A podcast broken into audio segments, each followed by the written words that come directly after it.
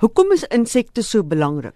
In fact, insects are the main tapestry of terrestrial life because they pollinate the plants, uh, they help make the soil, they cycle nutrients and so on.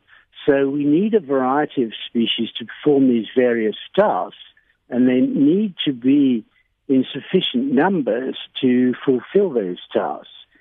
So we've got to keep all those natural processes going. In doing so, we don't really see this happening, I might add. And another factor is we don't normally see is the fact that there are little predatory insects and parasitic insects that keep the pests down. We would have far more pests if those, what we call natural enemies, if they're not doing their job properly. Mm.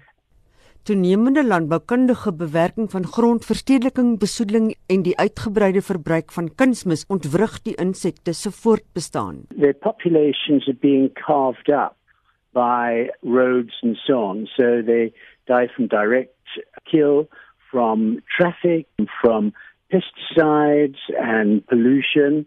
And then their populations, because they get carved up by our changing the landscape by dividing it up into farms and gardens and roads and all sorts of things, they don't ebb and flow across the landscape to perform their tasks in a natural way. Professor Samways sê Suid-Afrika het 'n indrukwekkende insekbevolking. We have uh, amongst the highest insect variety in the world.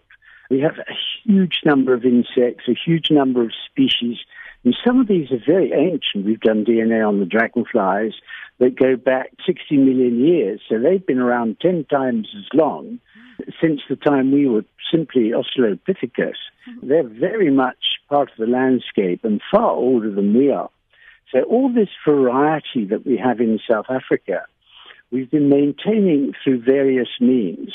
Dit word gedoen met die hulp van die bosboubedryf. Where large corridors of remnant grassland and natural forest is left in between the forest plantation blocks. And so there's this network of conservation corridors.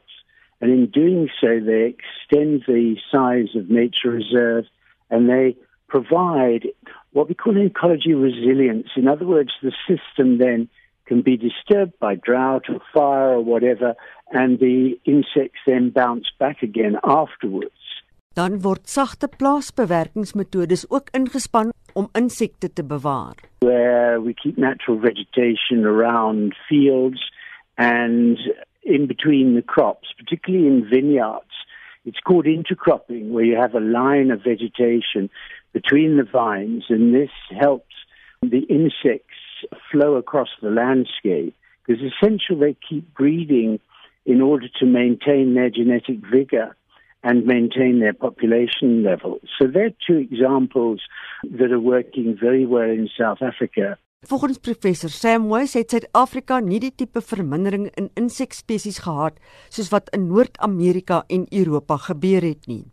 Because we're putting in place conservation strategies that are working very well. Fortunately, a lot of the areas that are not farmed in rocky areas, hilltops and mountainous areas, and we've got a wonderful network of reserves in the country, nature reserves, We've got protection of rivers, vegetation on rivers, so they're surviving there too. Hy sê hoewel sommige spesies wel verminder het, het die werk vir waterprojek wat ontwikkel is om werksgeleenthede te skep en die hidrologie te verbeter ook bygedra om insekspesies te laat herleef. The clearing of the invasive alien trees along watercourses has led to a massive rebound of very rare species in our water systems.